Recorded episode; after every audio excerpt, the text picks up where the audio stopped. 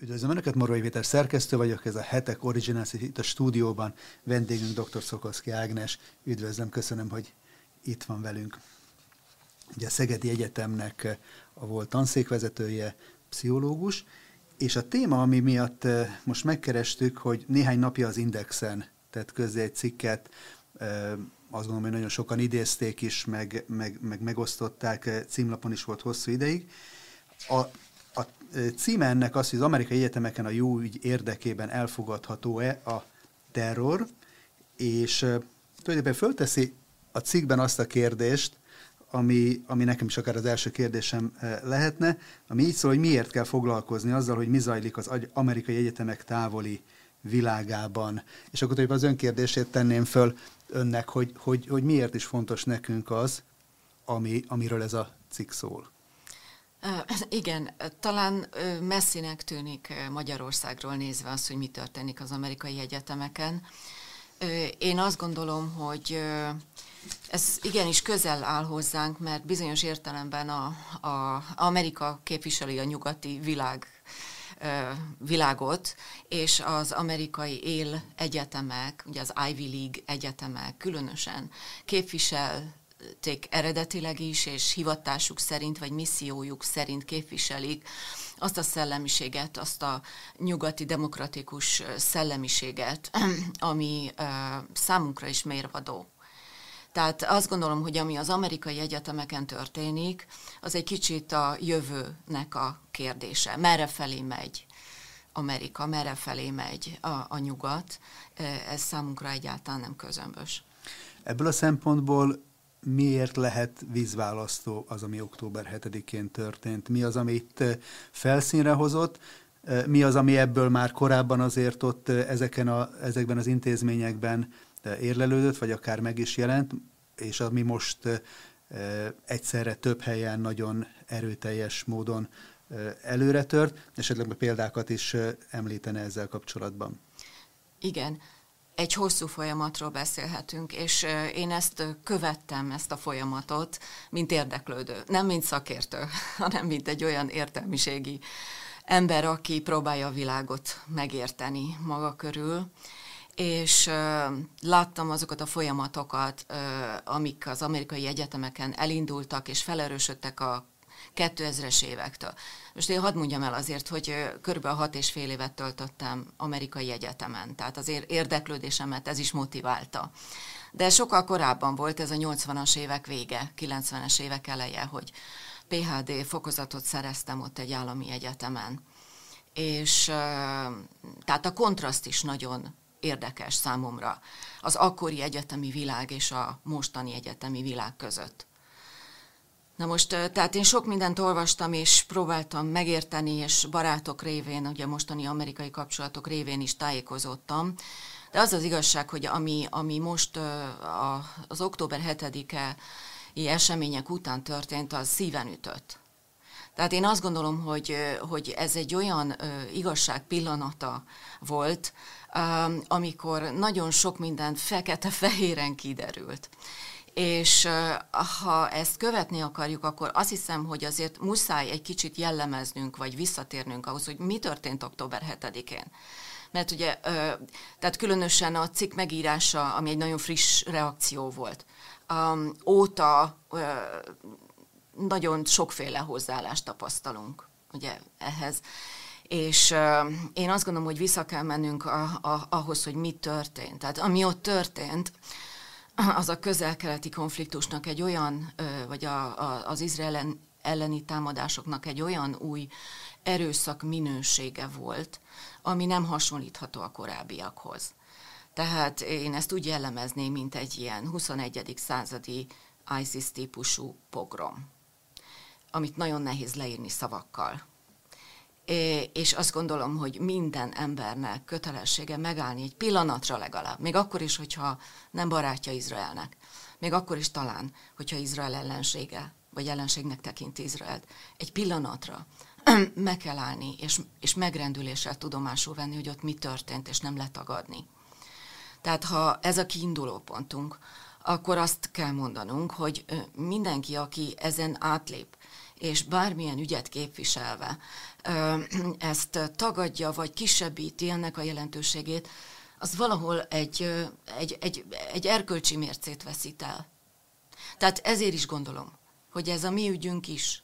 Tehát egy nagyon fontos téma, példa arra, hogy hogyan kell emberségesen gondolkodni, még a nagyon nehéz kérdésekről is, amikor pro és kontra érveléseknek is van helye.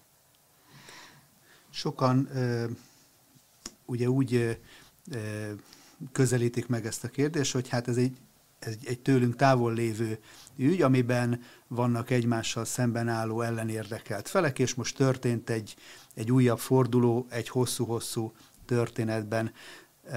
De nem lehet, hogy ez egy pogrom volt, és azt gondolom, hogy sok szempontból azért mondhatjuk azt, hogy a, egy nagy történelmi leszke is, ami, ami azóta történt, és nem csak a, az október 7-i események, hanem az azt követő eh, reakciók is, és az ön cikke is ugye ezzel foglalkozik, hogy, hogy eh, a helyet, hogy történt volna egy ilyen megrendült eh, szembenézés, és az eseményeknek a, a tényszerű feldolgozása, azonnal belekerült egy egészen másfajta kontextusba, ahol még az áldozat, meg a, meg a felelősnek a szerepe is azonnal összekevered, vagy akár föl is cserélődött. Ez, ez miből következhet? Na hát én azt gondolom, hogy érdemes, tehát annyi minden történt, és annyi oldalról meg esemény szempontjából lehet megközelíteni ezt az egész rettenetes új fejleményt, aminek tanúi vagyunk, hogy érdemes, és én mindenképpen szeretném a beszélgetésben azért ezt mégis az, egy, az egyetemek világára vetíteni. És tehát még egyfajta válasz arra, hogy miért is érdemes ezzel foglalkozni.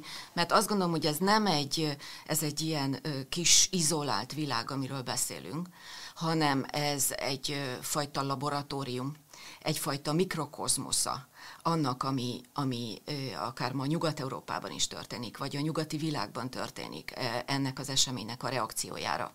Tehát mindez egy ilyen intenzív laboratóriuma annak, ami az amerikai egyetemeken történt. És tehát engem az ragadott meg, hogy pontosan amit említ, tehát hogy az első nyilatkozatok, az első tüntetések hatalmas erővel álltak ki a palesztinok mellett. Anélkül, hogy megálltak volna egy pillanatra is, egyfajta hát nem tudom, reflexióra nevezzük így. Ugye a Harvardnak a 31 néhány diák szervezete már október 9-én egy nyilatkozatot adott ki, amiben, ha jól láttam, akkor meg sem említik a felelősöknek a nevét, és egyértelműen Izrael teszik, veszik felelőssé a történtekért. És hadd idézem föl, Herzog izraeli államelnök intézett egy drámai levelet az amerikai egyetemeknek a vezetőihez a napokban, amiben ő azt vetette föl, hogy hát hogy létezik az, hogy pontosan azokon a helyeken, ahol a felvilágosult szabad gondolkodásnak a, ahogy ő fogalmazott, a szentélyei, eh, ahol eh, nem csak eh, az ismeretek állnak rendelkezésre, hanem egy megfelelő morális kontextusba is eh, helyezik a világnak a, a dolgait, hogy pont eh, ezeken a helyeken ilyen brutálisan egyoldalú, felforgatott, felfordult nézetek jelennek meg. Mi, mi, mi az, ami elromlott ezeken az egyetemeken, és ez honnan, honnan indult?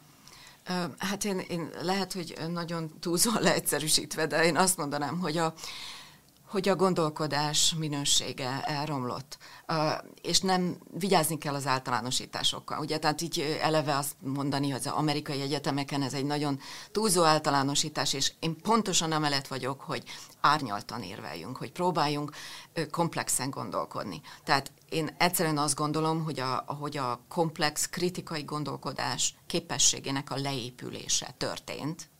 Ez egyfajta diagnózis mondjuk, ami engem különösen bánt, mert, mert én mindig felnéztem az amerikai egyetemekre.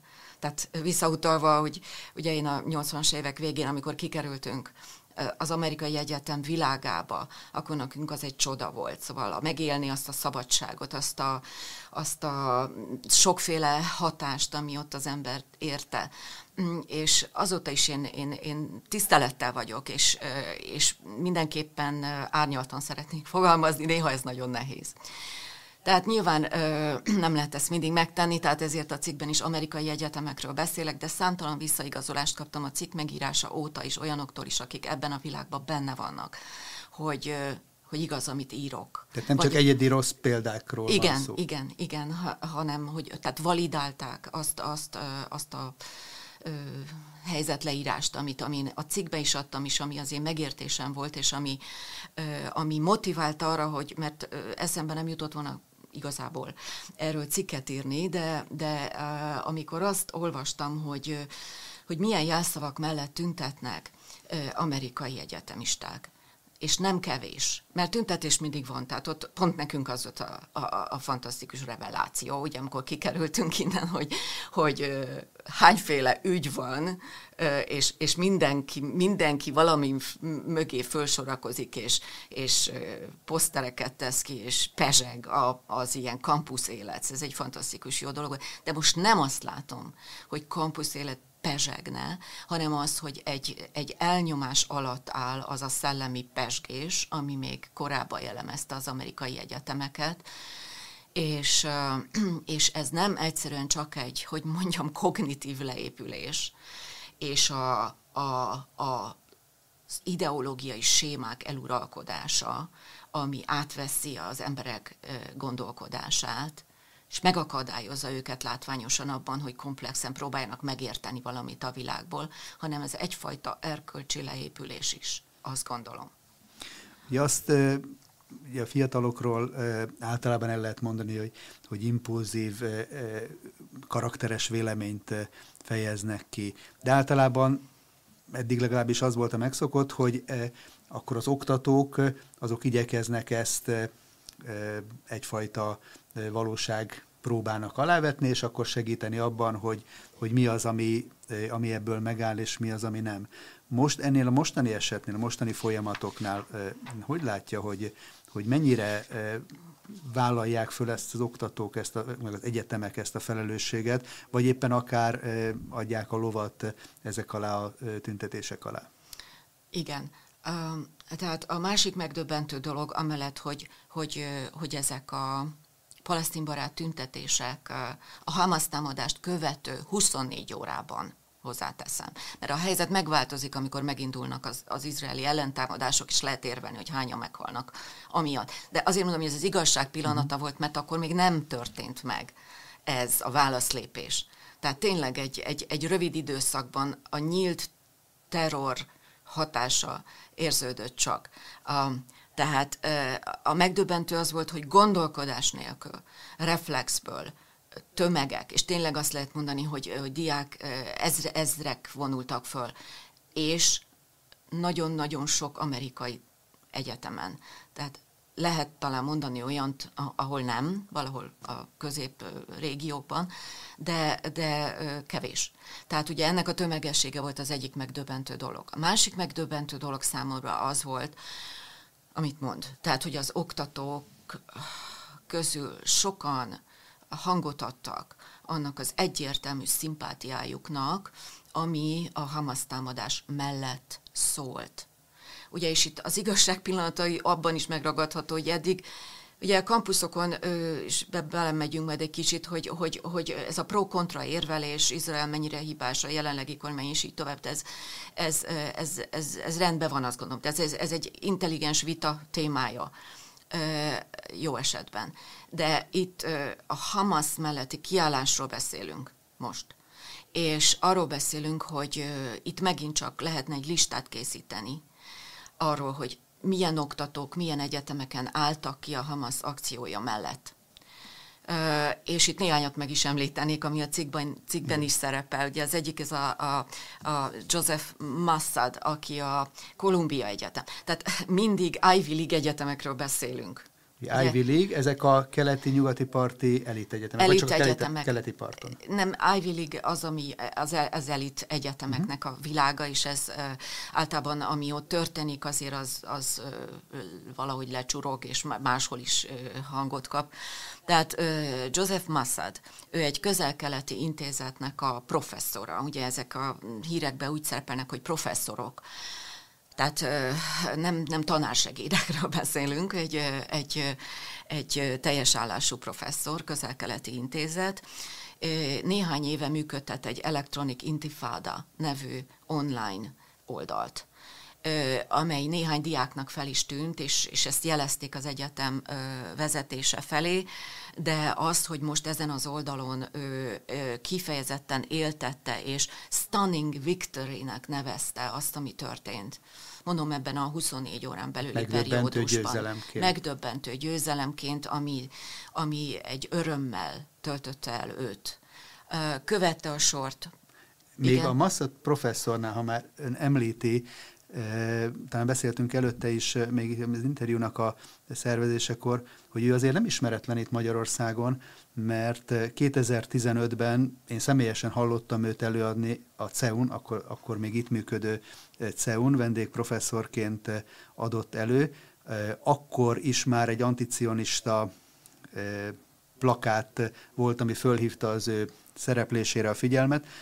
Az egyetemről kaptunk egy hallgatói jelzést, hogy erre az érdemes lenne odafigyelni.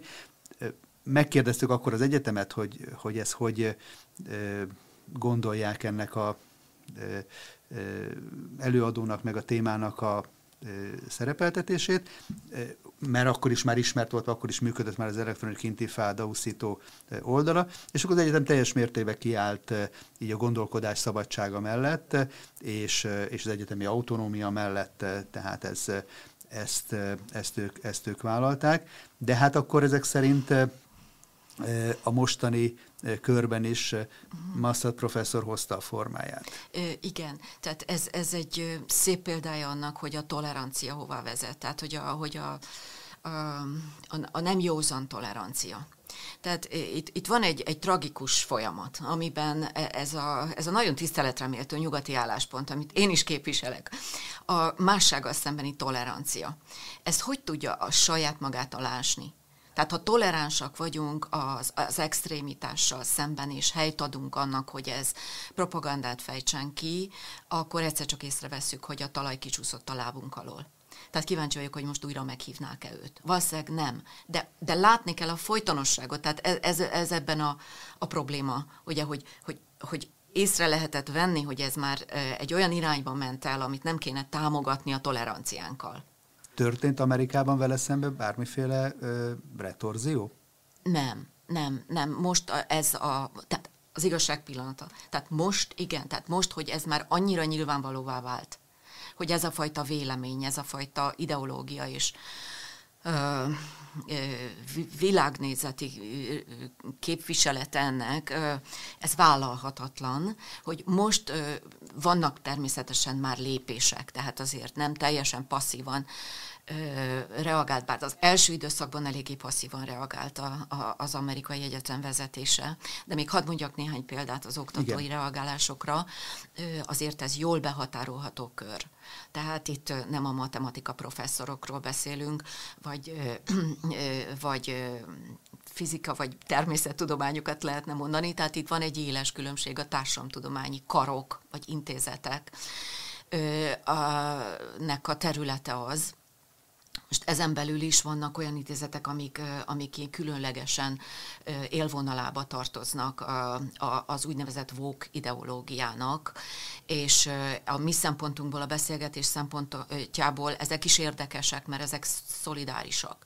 Hanem a, a, a lényeg az, az az úgynevezett közel-keleti intézeteknek a faculty-je, tehát az oktatók, az ottani professzorok vagy oktatók, aki, például ugye Joseph Massad is, de nem mindenki, például Russell Rickford, ő, egy történész tanszékről ö, nyilatkozott, vagy hát ö, nyilván nem a tanszék nevében nyilatkozott, amikor ö, egy olyan közleményt tett ö, közé, ami, amiben az állt, hogy hogy a Hamas akciója után végre szabadon lélegzik, ő személy szerint. És és ebben az a nagyszerű, hogy az erőszak monopóliuma az láthatóan nem csak az izraelieké, hanem most, tehát a palesztinok is milyen demonstrálták az, az ő, ő hatékonyságukat. Van egy Mika Toszka nevű, amúgy transgender oktató, aki egy ökológiai program professzoraként van megnevezve, transgender aktivista is, tehát ő ez egy él, tehát ez az ő saját jellemzésében is egy nagyon fontos mozanat, de amúgy pedig ökológiai hát, tud, tudományt képviselne. Um, van itt egy probléma, hogy ezek az emberek um, korumpálták a tudományt. Tehát a tudománynak kellene, hogy legyen egy tisztelete. Annak, hogyha valaki a tudományosság nevében, még akkor is, hogyha ő nem azt mondja, hogy most más kalapot teszek fel, és magánemberként nyilatkozom, de ha tudom azt, hogy egy professzor egy amerikai egyetemen, bármilyen intézetben, akkor ő a tudományt is képviseli. És Na hát ez a Mika Toszka például, ez tweetelte az első reakciójaként azt, hogy az izrael tulajdonképpen egy, egy megvetésre méltó gyűlölködő népség, és a pig szót használta. Tehát a legalpáribb, ugye, tehát disznóknak nevezte, ez még visszamegy a 60-as évekre, ez a disznózás, ugye, amikor pignek kezdték nevezni a, a, a rendszernek az embereit, hát elsősorban az amerikai rendőröket, és ezt Angela Davis is bevetette mm-hmm. sokszor ezt a pig um, kifejezést, ami, ami egy, ami egy egy lealacsonyítása annak, akivel szemben állok. Tehát mondanom se kell, hogy milyen szakadék választja el a tudomány, a tudományos elmét attól, hogy valaki azt, akivel nem ért egyet, disznónak nevezze. És valamit akkor, akkor talán megértettem abból, amit ön elmondott, mert sokat gondolkoztam azon, van egy híres zenész, Roger Waters, a Pink Floydnak a, ah. volt egyik sztárja, aki a koncertjein még évekkel ezelőtt egy repülő felfújt disznót szerepeltetett, amin Dávid csillag ah. volt rajta. Akkor most már ebből érthető, hogy valószínűleg akkor ő is erre az analógiára utalt. De visszatérve a példára, amit ön említett, hogy egy transgender professzor áll ki a Hamas mellett szemben Izraellel, ami ugye azért is ön is említi a cikkében egy, egy nehezen megértető ellentmondás, mert, mert Izrael a nyugati társadalmak között is az egyik legbefogadóbb és elfogadóbb a gender ideológiával kapcsolatban, míg a, a Hamas által uralt gázai terület pedig a legellenségesebb ezt, ezt a fajta önérdeket sem jelenik meg ezekben az nem, érvelésekben? Nem. Nem. Tehát egyszerűen az ember nagyon nehezen tudja ezt felfogni. Tehát olyan önellentmondások vannak, ami, ami teljes az irracionalizmus és illogikus gondolkodásnak a döbbenetes példái. Tehát nem nehéz eldönteni, hogy például Mika Toszka tisztában van-e ezzel az egyszerű tényel, amiről most beszélünk. Bizonyára tisztában van ezekről egyébként emberi jogi jelentések szólnak. Hogy... De hogy akar-e tisztában lenni, vagy saját kognitív kognitív konzisztenciája miatt ezekről nem vesz tudomást, tehát van egy ilyen védekezés is, mert valami fontosabb ügy felülírja ezt, és a fontosabb ügy az az elnyomottak egymás melletti szolidaritása amit megint csak egy kicsit, ha később egy picit uh-huh. beszélünk a vók ideológiáról, Igen. ezt interszekcionalitásnak nevezik, amikor, amikor különböző elnyomá, elnyomott identitások vannak, és, és, és mondjuk egy személy is lehet többféle elnyomásnak a fókuszában, és a, a vók ideológia az egyfajta ilyen, hát ilyen régi emlékeink vannak az internacionalista összefogásról, és és hát itt van egy ilyen vok szolidaritás. Tehát ami, ami vagy, vagy cinikusan nem vesz tudomást arról, hogy amúgy Gázában jelenleg is, vagy kövel megdobálják, vagy meggyilkolják. A Hamas vezetői sorában is van. Tehát erről lehet olvasni, hogy az egyik Hamas vezetőt, akiről kiderült, hogy homoszexuális, bestiálisan megölték. Tehát kínzások után ölték meg. Tehát ezek, ezek nem valamilyen alternatív tények, hanem uh-huh. utána lehet olvasni. Tehát azok az amerikai LMBTQ plusz aktivisták, akik azt kell mondjam megint reflexzerűen is, és teljes melhosszal kiálltak a Hamas mellett, azok nyilvánvalóan ez zárójelbe teszik ezt az pici ellentmondást az, együtt, az együttes harc érdekében vannak olyan elemzők, akik mondják, hogy ez nyilván is feltehető, hogy ez nyilván nem lehet tartós. Tehát, hogy előbb-utább ez a, ez a nagy egység, ami most megnyilvánult a radikális baloldalon, ez szét kell, hogy forgácsolódjon annyi felé, amennyi önös érdek van azért ezek között, vagy vita ezek között. De most minden esetre azt tapasztaltuk, hogy, hogy, hogy van egy ilyen egy ilyen kiállás, egy ilyen vállalás, hogy akármit is csináltak, azt most eltekint, zárójelbe tehetjük, hogy, hogy csecsemőket fejeztek le, és egyéb borzalmakat követtek. Ez most zárójeles dolog, ugyanúgy, ahogy most a homoszexuálisokkal Iránban mit csinálnak. Tehát 2007-ben a Yale Egyetem ugye meghívta vendég előadónak az iráni elnököt, ugye Muhammad Ahmad Dinejad elnököt meghívták amikor ez eh, teljesen nyilvánvaló volt, hogy Irán áll a terrorista szervezetek finanszírozása és ideológiája mögött. Akkor az egyetem egy hatalmas eh, felhajtás keretében eh, államfőnek járó tisztelettel fogadta őt, hatalmas kivetítőkön közvetítették a nagyon-nagyon sok diák érdeklődőnek az ő beszédét és ott az ő arcukba mondta azt, hogy Amerika az egy rasszista és imperialista és kolonializáló, és nem tudom mi. Na hát ez meg ilyen szép példája a toleranciának. Ugye említette a, a, a vók ideológiát, és ugye azt szokhattuk meg, és, és a sajtóba is azért inkább a médiában is inkább ez jelent meg, hogy hát az antiszemitizmus, anticionizmus az egy, az egy szélső jobboldali világnak a, az eszmerendszere, a hagyományos antiszemitizmus transformálódott egy, egy Izrael szembeni túlzó és egyoldalú kritikába.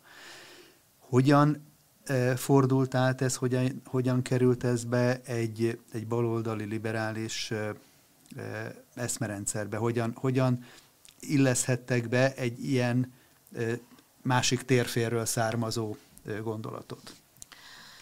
Uh, igen, most megint a mikrokozmoszhoz visszatérve, tehát az amerikai egyetem világában, meg amit már említettem, itt a közel-keleti intézeteknek a szerepét.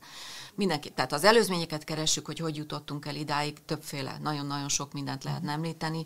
Van egy kézzelfogható háttere ennek, egy intézményi háttere, ez pedig az, ezek a bizonyos Islam Studies, vagy Middle East Studies, vagy, vagy Islam Culture and Language Studies, tehát sokféle módon neveződnek ezek a programok, de ezek a 2000, 2000-es évektől kezdve megszaporodtak az amerikai egyetemeken, és ezek az intézetek most már egy központi szervezés alatt állnak, tehát van egy ilyen egy ilyen nemzeti összefogás, ez ennek az is a neve, hogy Middle East Studies Associ Centers Association, vagy valami hasonló, tehát hogy, hogy ezeknek van egy központja is, és hát ezek az intézetek elég sok diákot oktattak, oktatnak ma is, és hát a legkülönbözőbb kurzusokat tartják,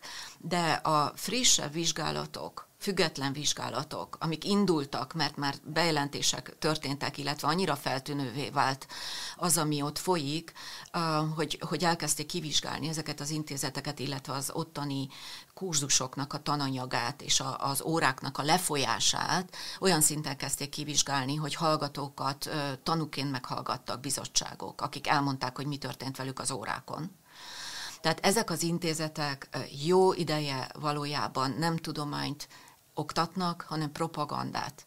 Tehát ezek a kurzusoknak az alappremisszája, hogy Izrael egy, egy kolonializáló, elnyomó állam, és a, és a séma, ugye, hogy vannak az ártatlan palesztinok, akik, akik szembeszállnak. És ha egy irodalomkurzusról van szó, mint például a Berkeley, olvastam egy elemzést egy ilyen kurzusról, hogy hogy virágzik a palesztin irodalom az ilyen borzalmas apartheid rezsimben, mint, mint ami most Gázában, illetve hát Izrael elnyomása alatt a, a palesztin területeken van.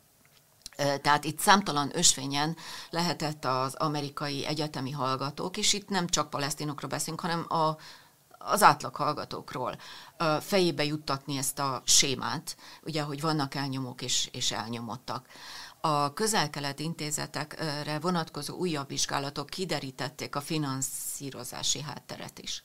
És itt eléggé hát végül is nem meglepő módon, de kiderült az, hogy katari és szaudarábiai pénzek nagy volumenben érkeztek be amerikai egyetemekre, és ide csatornázódtak.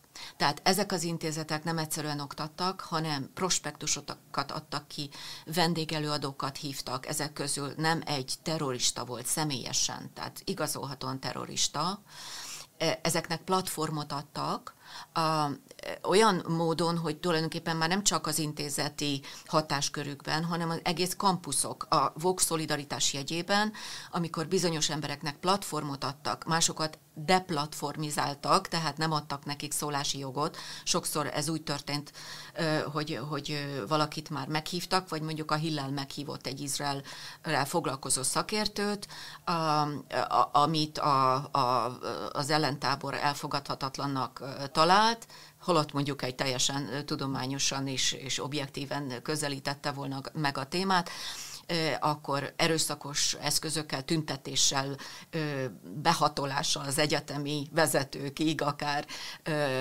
követelték, hogy az ne beszélhessen, ezzel szemben a terrorista meghívott beszélhessen. Tehát, tehát itt egy olyan fajta torzulásról beszélünk, ami nem egyik napról a másikra alakult ki.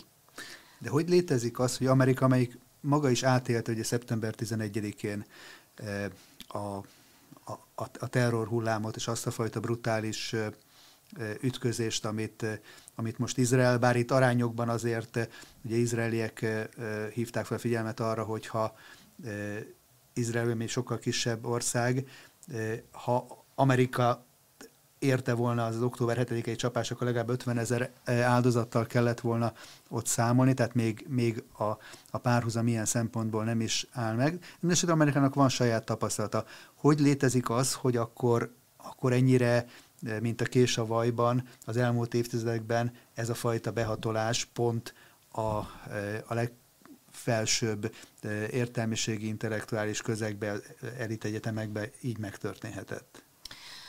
Itt nyilván politológusok tudnának arról beszélni, hogy milyen elszakadás van az amerikai politikának, különösen a baloldala, és, és itt mondhatjuk az amerikai egyetem és az átlag amerikai állampolgár között. Tehát ugye egyrészt ezt kell látni. Tehát, hogy itt van egy, végül is egy kisebbségről beszélünk, amely viszont rendkívül ö, hosszú tapasztalatokkal, aktivizmus tapasztalatokkal rendelkezik, tehát nagyon hatékonyan tudja a saját nézőpontját képviselni a médiában, ugye, tehát ez megint nem az én területen, nem akarok ebbe mm.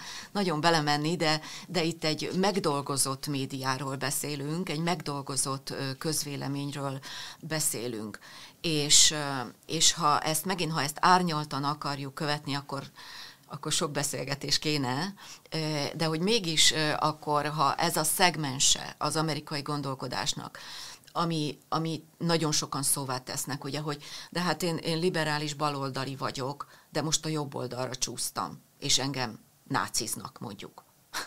Pedig én nem változtam, hanem változott a, a, a baloldalnak a, a súlypontja.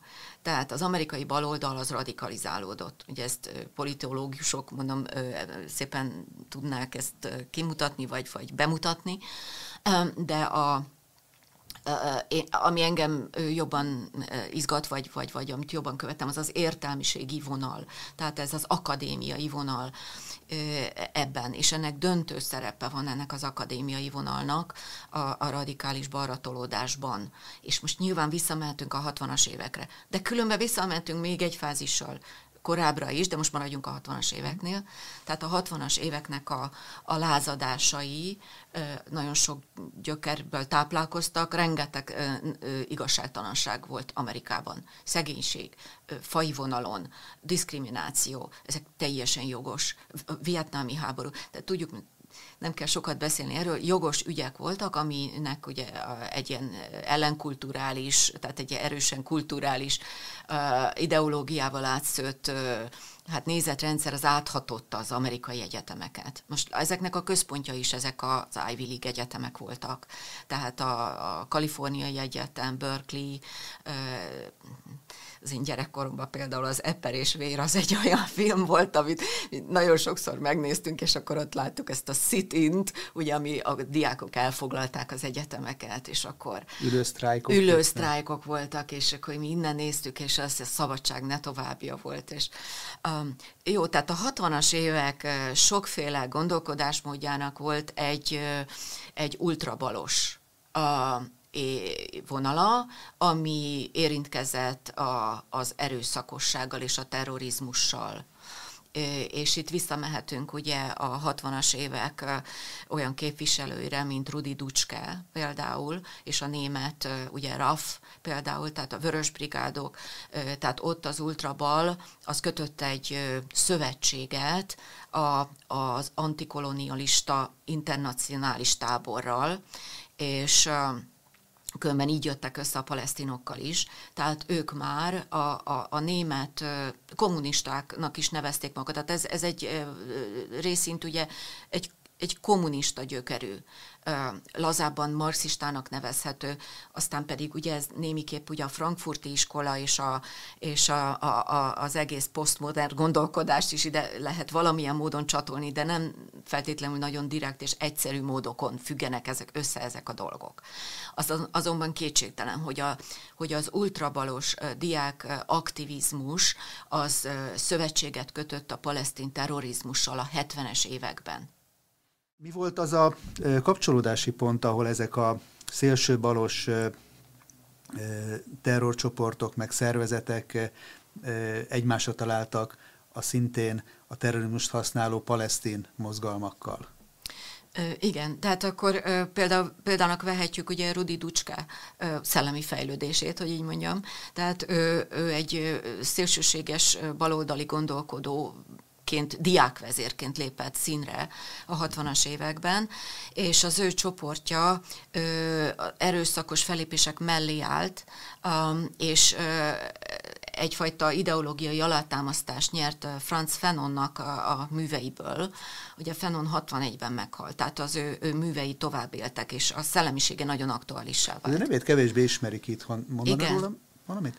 A Franz Fanon ő egy Martinikról származó um, intellektuál, intellektuál volt, aki eredeti foglalkozása szerint pszichiáter, de ő aztán a, az antikolonialista harcnak lett a, a fő elméleti embere, a leghíresebb könyv ez a Wretched, The Wretched of the Earth, ezt 1961-ben adta ki, és, és, hát a, a, és ez már jelzi azt, hogy itt mindenkinek, az egész globuszon, aki, aki a kolonializmus ellen küzd, ami az elnyomás új arca, annak össze kell fognia. Tehát itt volt egy ilyen, egy ilyen internacionális hangsúly ebben az antikolonializmusban. A Rudi Ducskéjék pedig közvetlen kapcsolatot kerestek a, a palesztin felszabadítási harc akkori arcaival, és, és hát együtt is működtek. Tehát ez, ez akkor egy, egy, egy, egy barátság tulajdonképpen, aminek a hatás aztán később is érződik, és maga a jelszó az, hogy világálnyomottjainak össze kell fogni. Azt én értem, hogy a, a gyarmatosítással szemben, meg a gyarmatosításnak a, a következményeivel szemben e, mozgalmak indultak el, és ezeknek az igazságtalanságoknak a helyretétele megjelent, mint, mint igény. De miért pont e, Izraelt ruházták föl ezzel a szereppel, hiszen legalábbis a modern Izrael az második világháború utáni képződmény, és egyébként az arab világnak a tengerében egy aprócska pont, tehát éppenséggel azt a képet, ami a korábbi gyarmatosító nagyhatalmak, európai nagyhatalmakról, akár csak a térképre ránézve megfogalmazható, az Izrael nagyon nehezen illeszhető ebbe bele. Miért, miért lett mégis ez a... Hát az átlagember gondolkodásában igen. Ebben a logikában nem annyira nehéz beleilleszteni, mert a fenon, tehát az egyik célpont az a fehér ember, tehát így megnevezve. Tudjuk azt, hogy amikor aztán a gender harcok felé, felerősödnek, akkor ez tulajdonképpen a fehér ember az a fehér férfi válik, ugye ez, ez még ez a mozanat nem volt Fenonnál annyira hangsúlyos. De hát a fehér és a színes bőrű, a gyarmatosító és a gyarmatosított.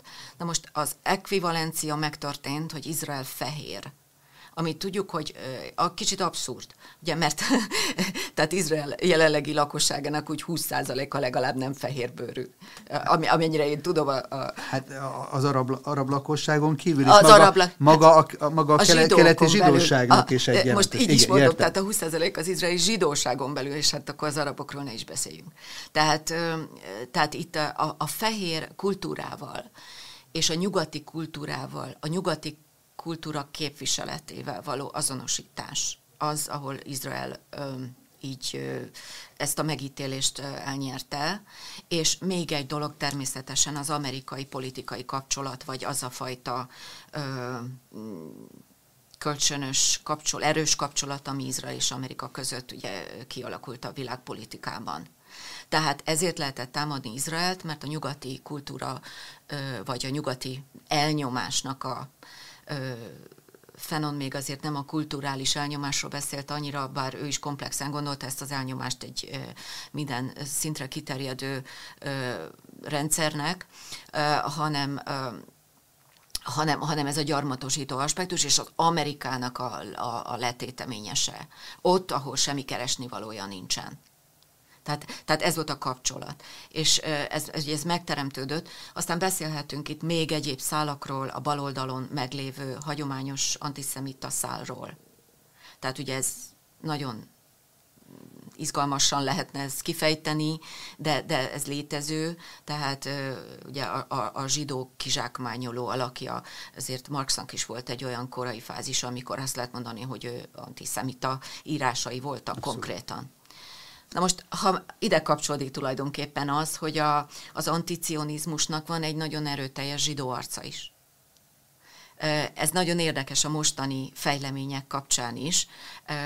Ugye történt egy óriási tüntetés a sok óriási tüntetés között, nem régen, ez pedig, amikor is a, a, a Jewish Voice for Peace nevű szervezet rendezett tüntetést, és hát egyfajta ilyen szitint, vagy ilyen helyfoglalást, egyrészt Washingtonban, másrészt New York City-ben a Grand Central Station épületét, nem tudom, látta ezeket a képeket? Igen, tehát ez a Kapitoliumnak az egyik épülete. I- igen, ez a washingtoni igen. szál, és a, a City-ben pedig a Grand Central-t foglalták el zsúfolásig volt, és mindenki ott egyrészt azonnali tűzszünet, ugye tudjuk, hogy ez most egy ilyen konkrét követelés, ami fönnakadt a világ, egy kicsit, hogy most akkor mi legyen, de hát valójában, ha megnézzük, hogy például ez a Jewish Voice for Peace mit ért azonnali, vagy miért követel azonnali tűzszünetet,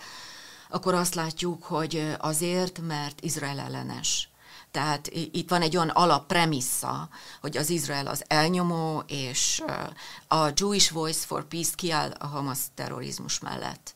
E, ez a csúnya igazság.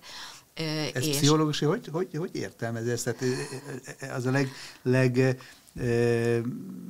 nyíltabban a saját e, támadóik mellé állnak, a megtámadottak, ahov, amelyhez ők is tartoznak azzal szemben. Hát ezt megint azt gondolom, hogy egy sok-sok utána gondolást, már, már ezt fejtegették, ugye a pszichológusok is, hogy, hogy hogy lehet az, hogy valaki azonosul az elnyomóval. Ezt mondják Stockholm szindrómának? Igen, igen, igen. Nem akarnám ezt így ráhúzni erre. Én azt gondolom, hogy itt van megint egy olyan baloldali gondolkodás, ami, aminek van egy erőteljes zsidó képviselete és ami, ami felülírja a partikularitást, és az, hogy ő zsidó, az egy annyira partikuláris mozzanata az ényének. Most ezt miért folytja el, vagy miért nem néz szembe vele valaki, annak nagyon más okai vannak Magyarországon, Amerikában, Németországban. De hát, hogy biztos, hogy van egyfajta elfolytása a zsidó identitásnak. Na most nagyon érdekes, hogy ezt, a, és számomra érdekes, vagy mindenkinek, aki az akadémiából gondolkozik e felől, hogy a, a, a, a zsidó hang a békéért, ugye ez a Jewish Voice for Peace, alapítója 1996-ban Noam Chomsky professzor volt. És hát őt mindenki azért ismeri a, a pszichológiában, meg a nyelvészetben, mint a nyelvészet egyik nagy ö, modern alakját. Ma is él még, és ma is ö, nyilatkozik, számtalan ö, mindig megkérdezik, hogy mit gondol a világról. Tehát ő ezt 96-ban ezt tényleg egy ilyen kicsit ilyen pacifista, egy ilyen, egy ilyen nagy baloldali gondolkodóként, hát ő maga is zsidó nyilvánvalóan, de mindig anticionista vonalon nyilatkozott. És tehát az anticionizmus az egy önálló ideológia, amit, ami, ami beilleszkedett a baloldali gondolkodásba.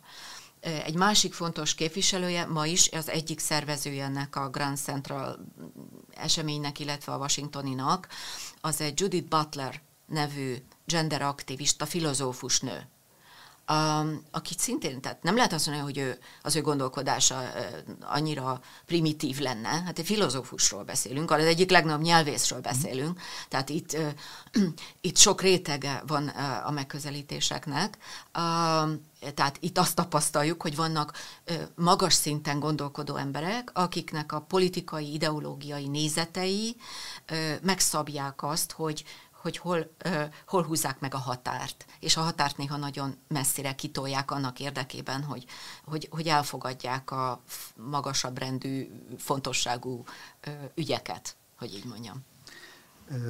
Még visszakanyarodva egy korábbi pontot, beszéltünk az ellentmondásokról, amik megjelennek az egyetemeken. Ugye azt is láthattuk az elmúlt években, hogy sorra jöttek létre az egyetemeken ilyen, ilyen biztonsági zónák, olyan, olyan övezetek, aminek elvileg az volt a céljuk, hogy ott, ott senkit ne érhessen semmiféle inzultus. Ebben a környezetben jelenik meg, vagy jelent meg az elmúlt, elmúlt hetekben egy nagyon durva másik jelenség. Ugye láthattuk azt, hogy talán ön is említi azt a példát, amikor egy New York Egyetemnek a könyvtárába zártak be zsidó diákokat a palesztinok mellett tüntetők, és fenyegettek föntartható ez a fajta ö, irány, ami, ami meg milyen következmény lehetnek, amikor mindenfajta ellenvéleményt megpróbálnak száműzni egyetemekről, nem ennek valami fajta ellenreakciója ez a, ez a nagyon nyílt agresszió? Hát, tehát először is az az, az őrült ellentmondás, hogy az amerikai egyetemeken egy, egy védő burkot hoztak létre mindenféle ellenvéleménnyel szemben, védendő a, az elnyomott kisebbségeket. Tehát a safe space-ek, ezek a biztonságos helyek, amik ténylegesen fizikailag is meghatározottak lettek, tehát oda be tudnak menni azok a diákok, akiket valami felzaklatott, és, és ilyen felzaklatás történhet abból, hogy valamit, valami olvasmányt, klasszikus olvasmányt kellett volna elolvasnia, ami, ami az ő világnézetébe ütközik, vagy valami triviális dolog történik, vagy egy olyan nagyon hát előre nyomott ügy, mint például a, a transgender névmások helyes használata, vagy a trivialitásra mondanék példát például, hogy hogy ha valaki, tehát régen azt mondanánk ezekre a mikroagressziókra, ugye ez a kifejezés terjedt el, hogy tapintatlanságok vagy hát rossz ízlésű viccek, vagy nem tudom mi. Na most ezek a normális menetben, ha ilyenek történnek, ezek személyközi szinten elrendeződnek. Vagy azt mondom, hogy tehát nem kellett volna ezt mondanod, vagy, vagy más interpersonális szinten. A VOK ideológia emelte ezeket a sértéseket csoportidentitás szintjére. Tehát itt azt kell látni, hogy a VOK ideológia egyik ö, központi nézetéről van szó, hogy minden társadalmi folyamatot csoportidentitásként kell értelmezni és nem minden csoportidentitás egyenrangú, illetve egy bináris sémába kell ezt helyezni. Vannak olyan identitások, amik elnyomóak, még akkor is, ha nem akarja. Ilyen a fehér identitás, vagy bőrszín, tehát az egy, az egy, az egy veleszületett identitás, és itt, itt, itt azt kell mondjam, hogy szinte rasszista irányba megy el ez az egész antirasszista gondolkodás önmagába fordulva. Um, és um, um, kiestem a gondolatmenetből itt. Uh, ugye arra, arra, arra, arra próbáltam rákérdezni, hogy ezek, ezek, a, ezek, igen, a létező, a ezek, a létező igen, tere, ezek a létező terekhez hogy, hogyan illeszhető össze ez a fajta egészen másfajta nyílt agresszió? Igen, tehát a legkisebb sérelmektől is védik ezt a generációt, ezt úgy is szokták nevezni őket, hogy hópeheg generáció. Tehát annyira olvadnak, hogy egy, jön egy kis enyhülés, és már ott sincsenek, tehát annyira védeni kell őket, és, mm. és burokban tartani. Tehát ezek a mikroagressziók néha egészen triviális dolgokból fakadnak, amit, amit előítéletként és csoport, a csoport megsértéseként élnek át már azok, akik ebben nevelődnek, vagy akiket rá neveltek ebben. Tehát az óriási ellentmondás az, hogy, hogy, hogy ennek egy kultúrája alakult ki, hogy a mikroagressziótól és, és az ellennézetektől megvédjük az érzékeny kisebbségekhez tartozó hallgatókat. Amikor a zsidó hallgatókat direkten, fizikailag is már fenyegetik, akkor ez nem tűnik föl az egyetemi vezetés, ugye a korai fázisnak ez is volt egy döbbenetes tapasztalata, hogy az egyetemi vezetők nem álltak ki a zsidó hallgatók mellett. Uh, ma a, a rágalmazás elleni liga, ugye az ADL, a, nek a statisztikái azt mutatják ki, hogy október 7-ét követően 400%-osan megugrott a, az, az, a, az antiszemita incidensek száma az amerikai egyetemeken.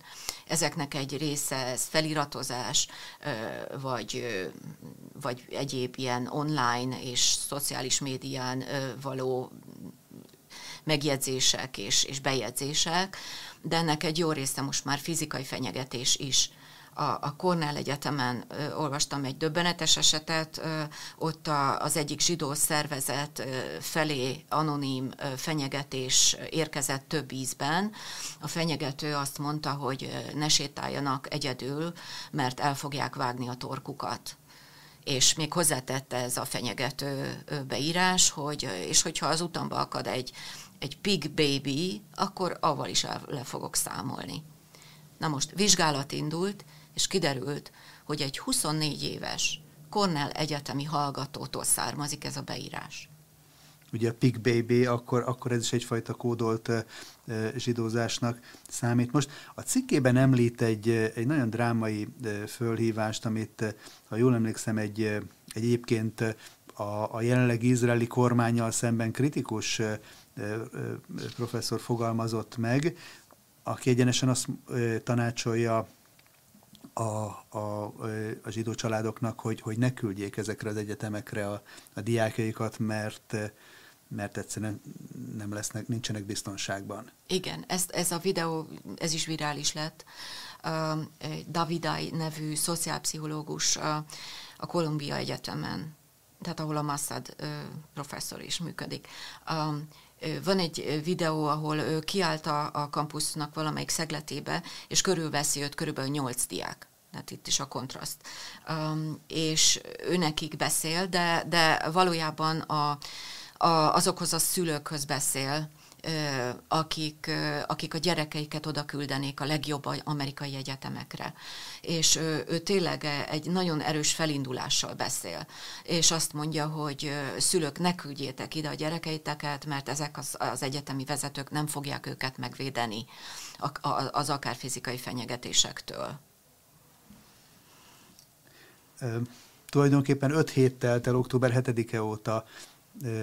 Mi az, ami várható ebben a tendenciában? Van-e, van-e arra utaló jel, ami azért arra azt, azt mutatná, hogy, hogy van ellenerő és, és, és szándék arra, hogy ez megfékeződjön, vagy ez még inkább elszabadulhat? Ebben a pillanatban azt lehet látni, hogy, hogy, hogy, hogy káosz van.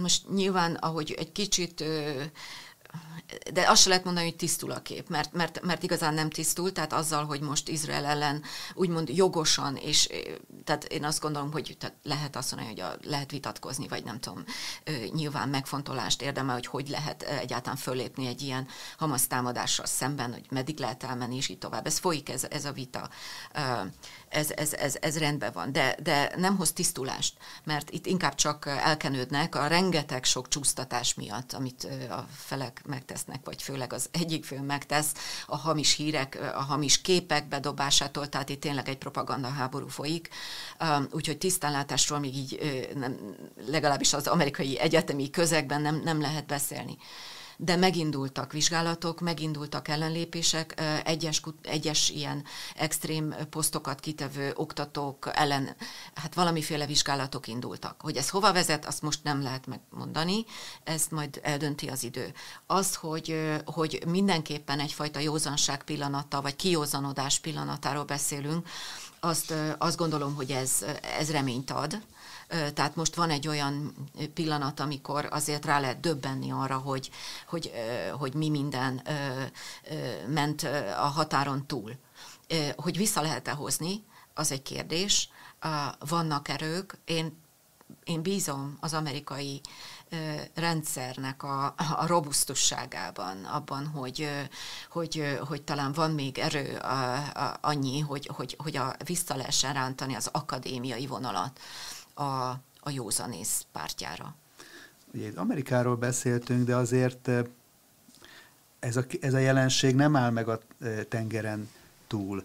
Mennyire eh, érzékelhető ez, ez, ez Nyugat-Európában? Ugye azért látjuk az utcai demonstrációkban a hétvégén Londonban 300 ezeren pont a, a, a brit veteránoknak a napján, tehát egy nemzeti ünnepen, egy, egy, egy hagyományos brit nemzeti ünnepen vonultak tömegek palesztinok és Almasz mellett az utcára, hogy az európai, most akkor leszűkít az egyetemekre, akadémiai világra, ez, ez, ez a folyamat áthatott, átjött ide? Igen, áthatott. Anglia feltétlenül egy példa, vagy legalábbis általam jobban ismert példa, Franciaországról nem tudok, meg német folyamatokat se ismerem annyira, de egészen megdöbbenéssel olvastam most az utolsó ilyen ö, esetet, amit, amit hírül adtak. A, az Oxfordi Egyetemnek van egy operatársasága. Az operatársaság ö, egy előadást ö, tűzött ki, Handelnek a, a Saul oratóriumát adták volna elő, É, most október 20, nem tudom, harmadikán, két nappal az előadás előtt visszaléptek az előadástól, lemondták a már megvásárolt jegyeket, mert Dávid és Góliát történetét túlérzékenynek találták. Tehát az, hogy a, a, a zsidó Dávid legyőzi a filiszteus Góliátot, ezt az angol egyetemi kulturális társaság túlérzékenynek találta, és, és lefújták az előadást. Ez, ez azért megdöbbentő, ugye mi néhány héttel ezelőtt adtunk ki egy kiadványt képbehozott címelemben, azt a kérdést próbáltuk körbejárni, hogy a nyugati társadalmakban milyen veszély fenyegeti a a kereszténységnek az alapértékeit, beleértve a Bibliát is, és most, most egy bibliai példát mondott, hogy, hogy ezek szerint akkor azért ebben a fajta reakcióban benne van az is, hogy, hogy hát maguk a biblia, bibliai történetek, amik ugye érintik, persze természetesen érintik a, a zsidóságot, hiszen, hiszen ebből az irányból indul el a, a történet, hogy akár ezt is veszély fenyegetheti, szabad, szabad véleménynyilvánítás, gondolkodást ilyen közös civilizációs alapértékekről? Mint Ö, ja. Igen, igen. Azt gondolom, hogy ez ennek a példája, és megint ha ezt kifejtenénk, akkor egy ö, sokféle dologról lehetne beszélni, vagy, vagy jelenségekről, de ami nagyon jellemző, az öncenzúra. Tehát itt senki nem, tehát itt egyfajta félelem munkál. Tehát félnek. Tehát valószínűleg ez a társaság azért is lépett vissza, mert egyrészt ezt fajta állásfoglalásnak gondolták talán. Tehát, hogy akkor ez a zsidóság melletti állásfoglalás, tehát teljesen bornírt. Tehát teljesen bornírt dolog. De valószínűleg, hogy volt egy ilyen megfontolás, és volt egy erős olyan megfontolás, hogy mit fognak csinálni a palesztin diákok az Oxfordi Egyetemen, és a szimpatizánsok. Na most erre is, erre is nagyon könnyen lehet rálátni. Az Oxford Union viták alapján. Én ezeket mindig követem, nagyon uh-huh. szeretem. Ugye a, a világ, a, az egyik dolog, amit köszönhetünk az Oxfordi Egyetemnek, az a vitakultúra és ott a, különösen az Oxfordi, Oxford Union, az egy diákszervezet, az ottani vezető diákszervezet, rendezi ezeket a nagy Oxford Union vitákat, és és ha az utóbbi időket megnézzük, akkor, akkor egyre másra jönnek az olyan viták, amiben a, az alaptézis az, hogy Izrael elnyomó állam, a palesztinokat fel kell szabadítani, dekolonializálás, és itt tovább. Tehát a, a, a, az Oxfordi Egyetemen biztos, hogy, hogy, hogy nagyon erőteljes ez a vonal, mint hogy ott is egy Ivy League, vagy egy vezető egyetemről van szó, helyi Ivy League. A, biztos, hogy, hogy ez egyfajta reprezentatív képviselete az angol egyetemeknek is. Most tulajdonképpen az elmúlt években azért egy ilyen hullámot már átélhettünk az orosz művészet és kultúra kapcsán is, mert, mert hogy nem csak a Bibliát e, cenzúrázták ilyen módon, meg a bibliai témákat, hanem, hanem a klasszikus orosz irodalmat, meg, meg, meg balettet, és tehát, hogy ez a fajta folyamat e, így a szabad gondolkodásnak a, a beszűkülésével jár akkor ezek szerint, nem? Ö, mindenképpen, és ö, itt, itt van a, a legnagyobb veszély, és itt van az, hogy megint visszafordítanám a dolgot, hogy miért fontos ez nekünk. Tehát azért fontos, mert ha a nyugat felszámolja a saját demokratikus alapjait, akkor miben bízhatunk. Ez volt tehát a beszélgetésünk dr. Szokolszki Ágnes professzorasszonyjal az egyetemi baloldali antiszemitizmusnak a pusztító jelenségéről. Köszönöm önöknek is a megtisztelő figyelmet, köszönöm azt is, hogy már több mint 47 ezer iratkoztak fel a csatornánkra, várjuk önöket más műsorainkkal is itt a Hetek Podcast csatornán. Viszontlátásra!